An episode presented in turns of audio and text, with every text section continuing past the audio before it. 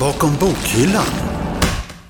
Själva praktiken med medborgarforskning, att man ber olika delar av allmänheten om hjälp med att samla in data, det är en väldigt, väldigt gammal praktik. Och då är det lite förvånande eftersom den är så gammal, varför är det så få som har hört talas om den? Jo, men det är för att man ofta har osynliggjort dem som har hjälpt att samla in data. Och det har forskarna gjort för att man har varit tveksam eh, till att kollegorna då ska värdera ens data som lite sämre. Om det hade funnits utomjordiska civilisationer och det är så pass sannolikt att det skulle finnas liv där ute som vi tror så kan man ju undra varför har vi inte hört ifrån dem? Varför verkar det som vi är ensamma som civilisation i alla fall den här delen av universum? Man tar liksom medborgaren uppströms in i den vetenskapliga processen.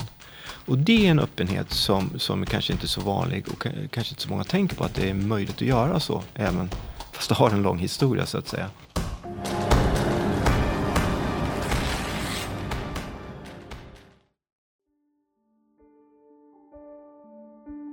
I över 200 år har de varit osynliggjorda. Forskarna som saknar akademiska titlar, egna laboratorium och ett universitet som arbetsplats. Men nu är det andra tider och i den senaste forskningspropositionen som kom 2020 nämns de för första gången som viktiga kunskapskällor och initiativtagare till samhällsrelevant och behovsmotiverad forskning. Jag pratar om medborgarforskarna. Ända sedan Carl von Linnés tid på 1700-talet och framåt har allmänheten och hobbyforskare bidragit i stor skala till vetenskapens framsteg på flera områden. Man har observerat väder, vind och vårtecken och skickat sin data till forskarna. Ofta utan att få något erkännande för sina insatser. Anledningen till att vetenskapen har vänt sig till allmänheten för hjälp, då som nu, har varit att forskarna själva inte har kunnat samla in så stora mängder data eller haft möjlighet att befinna sig på rätt plats vid rätt tidpunkt. Det kan handla om att observera små djur som lever på tången i våra skärgårdar eller var och när fladdermössen ger sig ut på sina nattliga turer. Men det kan också handla om att leta efter utomjordiskt liv bland stjärnorna.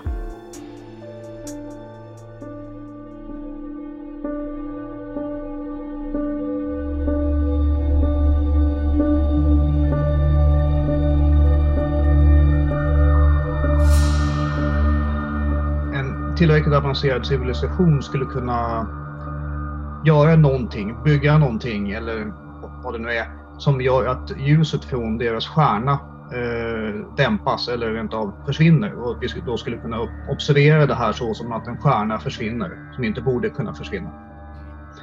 Och det skulle vara ett sätt att leta efter ja, kandidater till eh, utomjordiska civilisationer. Då.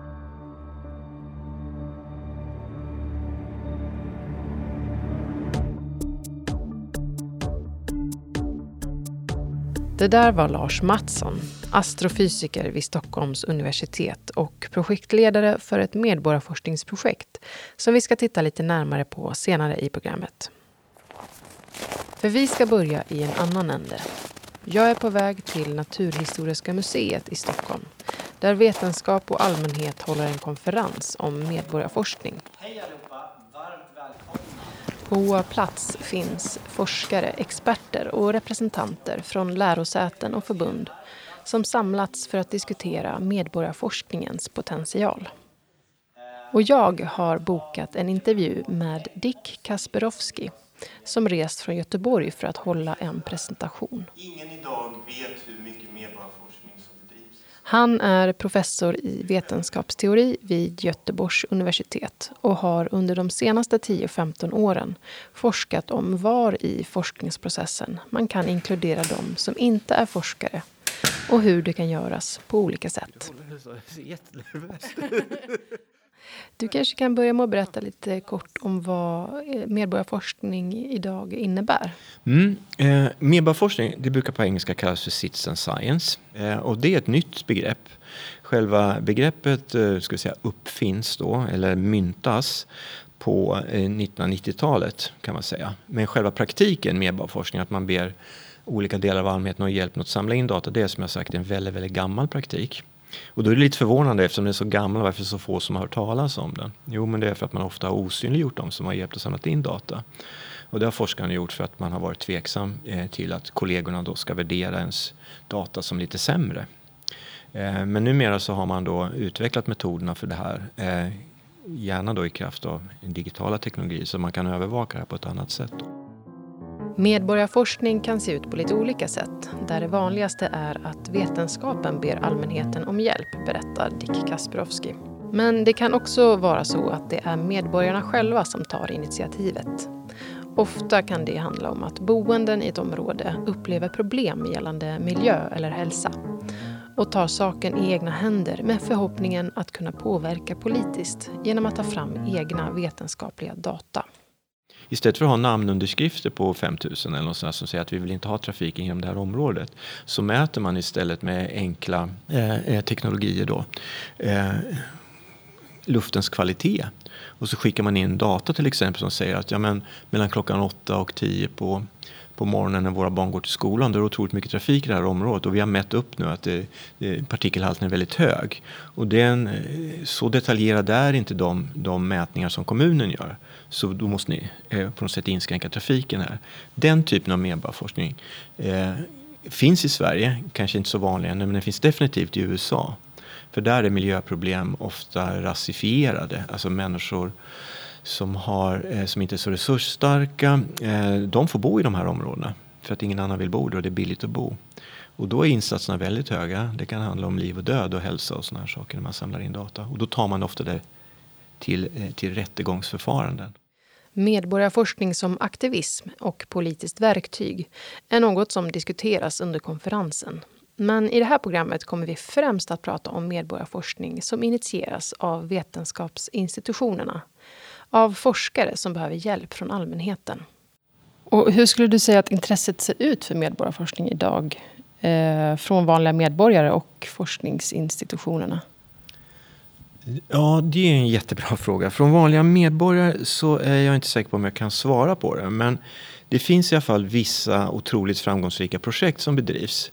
Eh, som har många deltagare, eh, upp till 1,78 miljoner som deltar. Och i det här fallet som jag tänker på så klassificerar man galaxer då. I, I, Sverige finns det en väldigt stor eh, portal för ett insamling av biodiversitetsdata som heter Artportalen och som ligger på Sveriges lantbruksuniversitet. Och den har nu ungefär 84 miljoner observationer och har funnits i runda slängar i ungefär 20 år eh, i olika stadier av utveckling. Då. Så det finns ju väldigt mycket data som samlas in.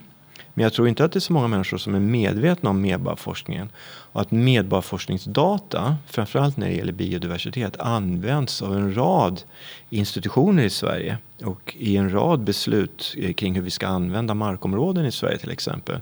Och hur de ska kunna användas hållbart. Ehm, sen tror jag att det just nu så är medborgarforskningen eh, uppe i någon sorts väldig våg där man tillmäter medborgarforskning väldigt stor potential för en rad olika saker. Till exempel att motverka faktaresistens och desinformation och såna här saker. Jag är inte helt säker på att det här, eh, det här på något sätt skapar eh, eh, allt det som man vill när det gäller liksom motstånd mot faktaresistens och såna här saker. För jag tror att medborgarforskning också inkluderar de som redan är där så att säga. Att det finns liksom en, en mobilisering av de redan liksom resursstarka på det här området. Medborgarforskning är också en del av rörelsen mot öppen vetenskap. Kan du förklara hur medborgarforskning bidrar till ett mer öppet vetenskapssystem? Jo, alltså öppen vetenskap är ju massor med olika saker. Eh, eh, öppna publikationer, alltså att när forskare publicerar någonting så vill ju våra svenska eh, forskningsfinansiärer, Vetenskapsrådet, Formas och alla de här, att vi ska publicera öppet. Det betyder att man inte behöver sitta på ett universitet eller så för att få tillgång till den här publikationen. Den kan vem som helst googla fram och läsa. Det är en aspekt.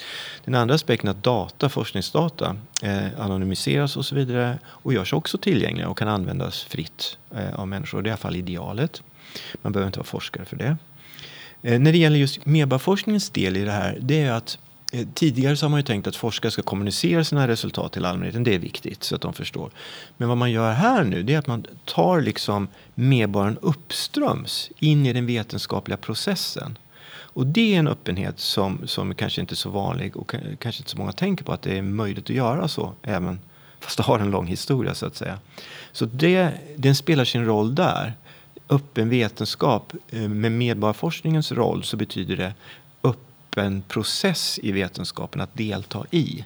Så det är där den, den liksom fyller sin plats då. Bakom bokhyllan. Allt utom boktips.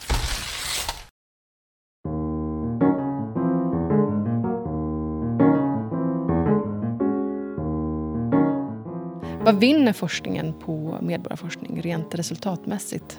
Ja, men, eh, alltså, vinsterna kan ju vara väldigt stora eh, och framförallt handlar det om att man kan klassificera enorma mängder data.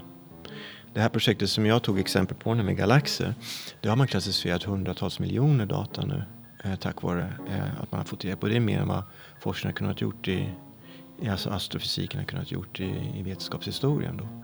Och dessutom när det gäller monitoreringen av biodiversitet i Sverige så hade den varit omöjlig utan den här hjälpen. 83 miljoner observationer, det är inte lite det. Ehm, så att eh, jag tror att mycket av den datan som, som man får in med medborgarforskning, den hade varit omöjlig att få in annars. Och dessutom så är det så här att man kan ju också få in saker, man kan göra upptäckter. Ehm, det finns exempel i medborgarforskningen där medborgare då, eh, eller vad ska jag säga, frivilliga bidragsgivare som inte är professionella forskare har fått författarskap på, på vetenskapliga artiklar för de har sett någonting som forskarna inte hade en aning om fanns. Så att det är också möjligt. Och dessutom är det ju så att FN nu har, har faktiskt erkänt medborgarforskning som ett helt nödvändigt instrument för att kunna monitorera våra hållbarhetsmål. Eh, för att eh, forskningen som den bedrivs idag har inte möjligheten att plocka in all den här typen av data. Så det är liksom att få tillgång till stora mängder kunna aggregera upp dem naturligtvis då och sen kanske se någonting som ingen har sett förut. Det är väl de stora möjligheterna då. Och det finns liksom, så sker liksom genomgående. Då.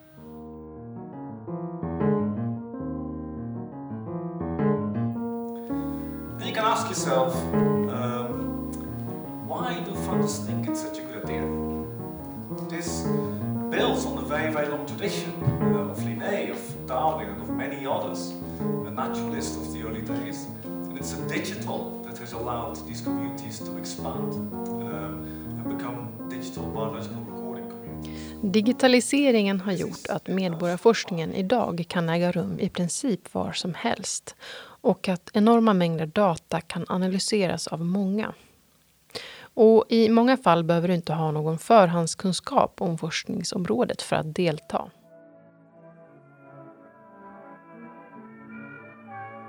På Stockholms universitet pågår flera sådana medborgarforskningsprojekt där frivilliga bland annat har hjälpt till att samla in ekblad för att spåra klimatförändringar och undersökt tångruskor i Östersjön.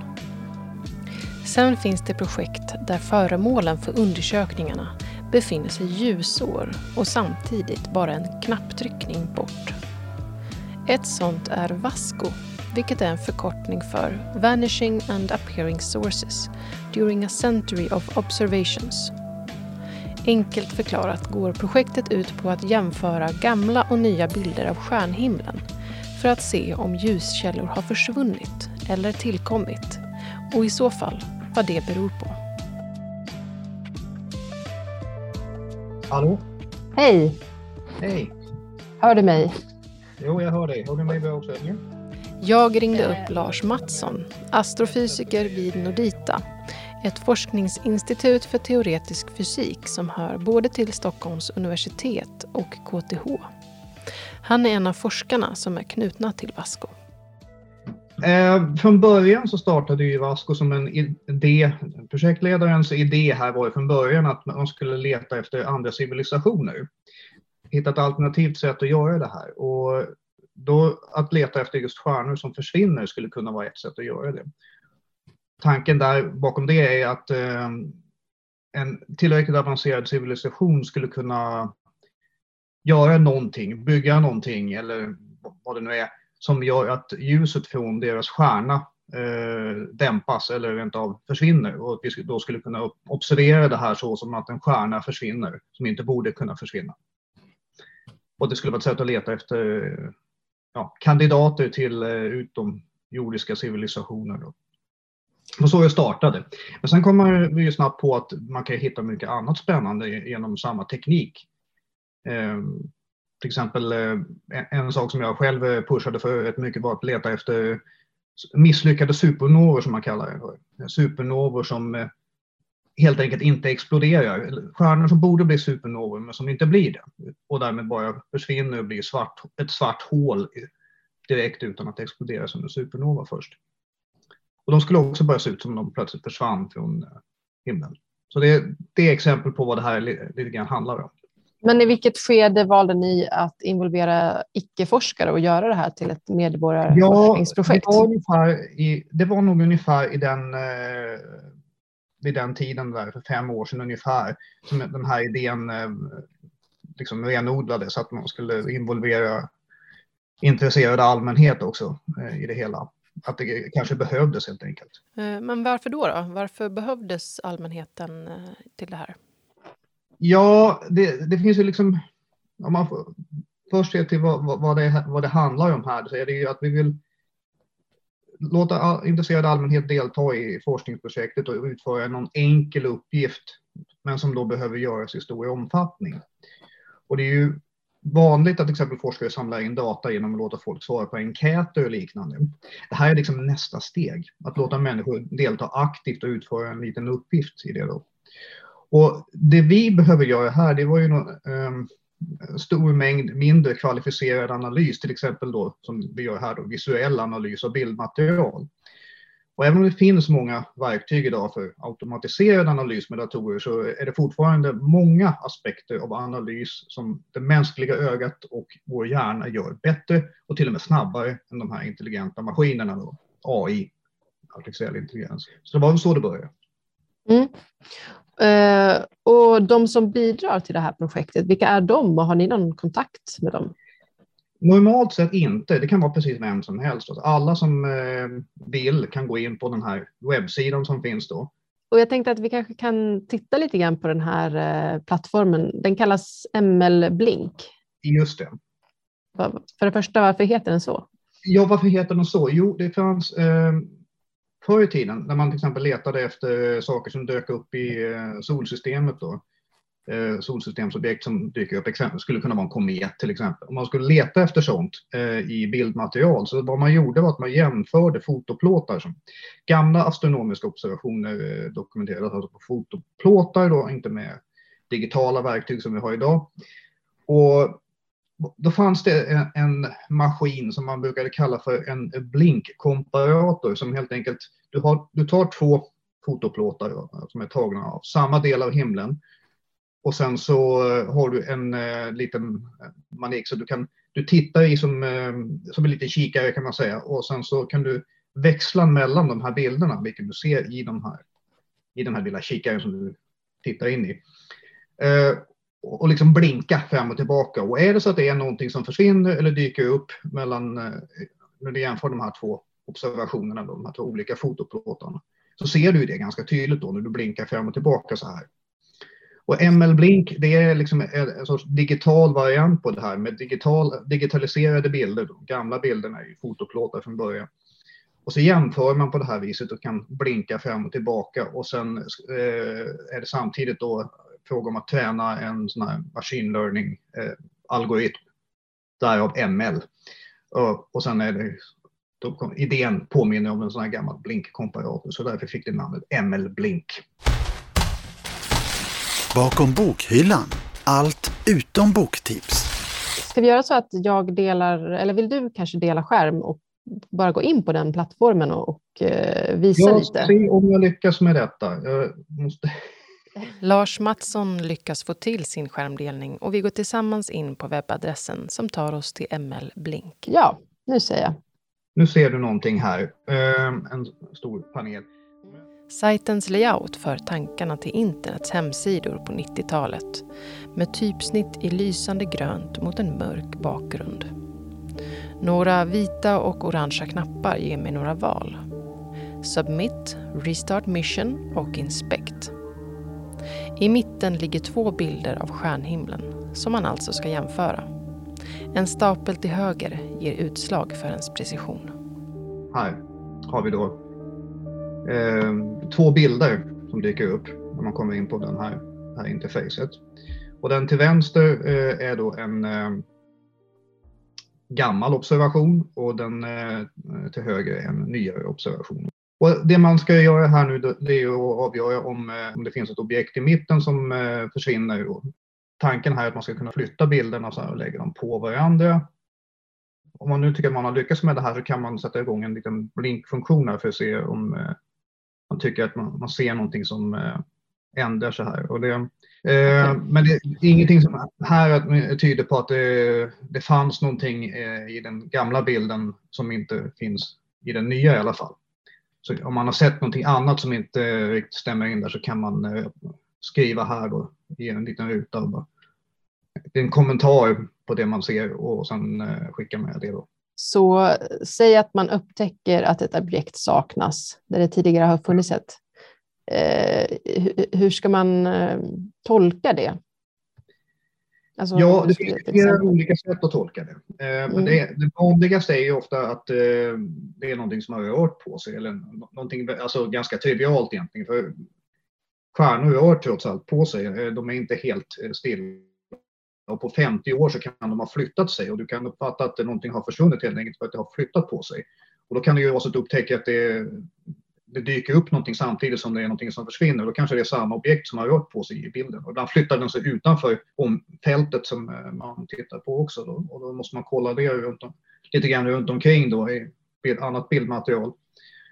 Och få bilda sig en uppfattning om det helt enkelt är någonting som har rört på sig bara eller om det verkligen är någonting som eh, helt eh, osannolikt och faktiskt försvann. Så, sådana saker måste man kolla upp först och främst. Och det, det, vi har en, liksom en lång lista med grejer som vi brukar kolla. upp. Hittills har projektet involverat tusentals människor som har tittat på och jämfört uppemot 250 000 bilder. Och som Lars Mattsson säger så har det mesta som dyker upp eller försvinner en naturlig förklaring. Men inte allt. Den 17 juni i år publicerade forskarteamet bakom Vasco en vetenskaplig artikel där man presenterar ett mysterium. På en bild från 1950 upptäcktes nio ljuskällor som liknar stjärnor. Men på bilder som togs 30 minuter före och sex dagar efter den tidpunkten är ljuskällorna borta. Alla nio.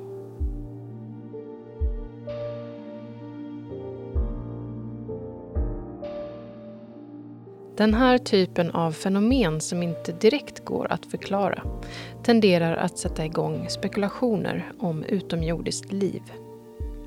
I USA blev till exempel Tabbys Star, eller Tabbys stjärna, något av en sensation när en märklig oregelbundenhet upptäcktes i stjärnans ljusstyrka. Särskilt eftersom det inte var någon NASA-person eller forskare som noterade avvikelsen utan några helt vanliga, men alerta, hobbyastronomer. De deltog i medborgarforskningsprojektet Planet Hunters vars uppgift liknade det som deltagarna i Vasco gör. Nämligen att titta igenom mängder av data. I deras fall data som samlats in av rymdteleskopet Kepler. Observationerna ledde till att forskarna började undersöka vad det var som skapade den märkliga avvikelsen. I fallet med Tabbys Star och Planet Hunters så var medborgarforskarna en avgörande faktor som bidrog till ett slags genombrott. Men hur säkerställer man att icke-forskare tolkar data korrekt? Det finns ju naturligtvis risker med den här typen av projekt. Och man kan väl säga att allt beror på hur man lägger upp sitt projekt. Ger man en för svår uppgift så kan det ju påverka resultatet negativt. Och det är också viktigt att man liksom anpassar uppgiften till vem som ska utföra den. Eh, det är också viktigt att man undviker tvetydigheter så att eh, det är liksom glasklart hur man ska rapportera sina resultat och att man har enkla alternativ ofta att välja på när man ska rapportera.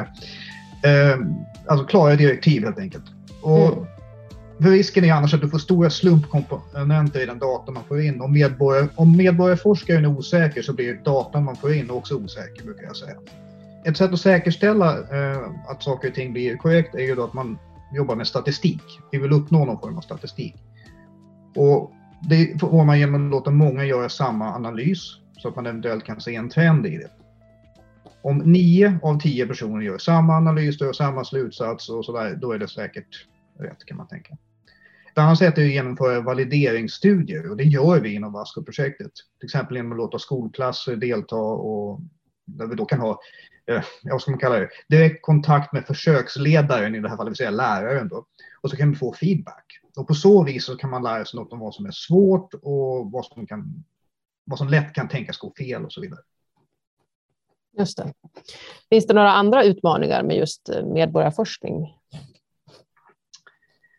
Eh, ja, eh, jag, jag, var, vi har ju haft en hel del interna diskussioner om det här. Och vi, det var ju någon som föreslog i samband med en liten intern workshop vi hade då, att eh, hur, hur skyddar man sig mot att eh, folk sitter och eh, skojar med oss liksom och bara ja, matar in trams liksom i, i det här interfacet. Och det, det, det, var, det, var, det var en ganska bra fråga för det, jag misstänker att den, den komponenten finns på riktigt också i de här medborgarforskarprojekten. Så det, man kan tänka sig massor med saker som kan vara problematiskt. Vi, vi, man, får ju liksom göra det här i eh, olika steg. Datan vi får in, vi får inte ta den för given som att det här är högkvalitativ data som vi kan använda direkt, utan man måste ju göra något nästa steg där och analysera den på något sätt. Just det. Så att om, om någon skulle sitta och klicka i att de har hittat något på massa bilder, ja, då, då, leder det till att ni tittar närmare på de bilderna. Men hittar ni ingenting så går ni inte vidare med det. Nej, precis. Och det är klart att eh, börjar man misstänka att uh, sånt sker, vi har inte sett några tecken på uh, någonting sånt sker, men om man till exempel skulle göra det så är det ju en sån här grej som går lite grann att filtrera bort också. Om du märker att en samma IP-adress återkommer och eh, till exempel då klickar i att den hela tiden är försvinnande objekt då, så kan man ju faktiskt eh, filtrera bort sånt. Tabby Star är uppkallad efter astronomen Tabitha Boyajan, den forskare som tog sig an att undersöka vad det var som orsakade stjärnans märkliga beteende. Kunde det rent av vara ett tecken på utomjordiskt liv? Än idag har man inte något tvärsäkert svar, men det lutar åt att det är någon form av stoft som orsakat fenomenet. Men hoppet om att en dag kunna hitta IT lever kvar hos många astronomer. Vad är det för liv man hoppas att man ska hitta och hur stor är sannolikheten? Ja, om vi börjar med den sista frågan, hur stor är sannolikheten? Jag skulle säga att den är försvinnande liten rent generellt. Alltså. Det, det mm. finns ju något brukar kalla för Fermi-paradoxen här som du kanske har hört talas om. Som helt enkelt handlar om att eh, om det hade funnits eh, utomjordiska civilisationer och det är, är så pass sannolikt att det skulle finnas liv där ute som vi tror så kan man ju undra varför har vi inte hört ifrån dem? Varför har vi inte kunnat eh, hitta någonting? Eh, varför verkar det som vi är ensamma som civilisation i, i alla fall den här delen av universum? Mm. Um, och det, det, det, säger ju någonting om själva sannolikheten här att man ska hitta någonting. Att det är väl inte jättestor chans att, att det finns någonting eh, som vi kan plocka upp här. Men å andra sidan så ökar ju sannolikheten eh, på något sätt när man gör så här jämfört med det klassiska sättet att göra CT-forskning där man eh, skannar av eh, himlen med radioteleskop till exempel för att lyssna efter signaler från utomjordiska civilisationer chansen att du ska plocka upp någonting på så vis, eh, den är ju ännu mindre egentligen. För då ska du ha en väldig massa turer också. I det här fallet kan vi eh, alltså, fokusera på kanske intressanta, in, specifika objekt som kan vara mer intressanta. Då. Specifik stjärna som kan man få mer information kanske. Det kan vara en större sannolikhet att vi lyckas plocka upp någonting. Vad är drömscenariot? Alltså drömscenariot det är att du hittar någonting som är riktigt suspekt och som man sen kan verifiera att det har någon koppling till en utomjordisk civilisation. Att vi får det här beviset för att det verkligen finns någonting eh, där ute. Det skulle ju vara verkligen ett drömscenario. Eller att vi lyckats fånga en eh, sån här misslyckad supernova i Vintergatan till exempel skulle jag också tycka vore ett drömscenario. För också sannolikheten att man skulle lyckas med det och det, så, på så vis få det bekräftat att eh, teorierna kring det här med misslyckade supernovor då, Eh, att, att de teorierna är korrekta och att vi hittar någonting i Vintergatan vore ju helt fantastiskt. Men eh, det här med att hitta en utomjordisk civilisation är ju naturligtvis, det, det skulle ju vara eh, århundradets upptäckt, eller det, det, skulle vara den största vetenskapliga upptäckten någonsin tycker jag personligen.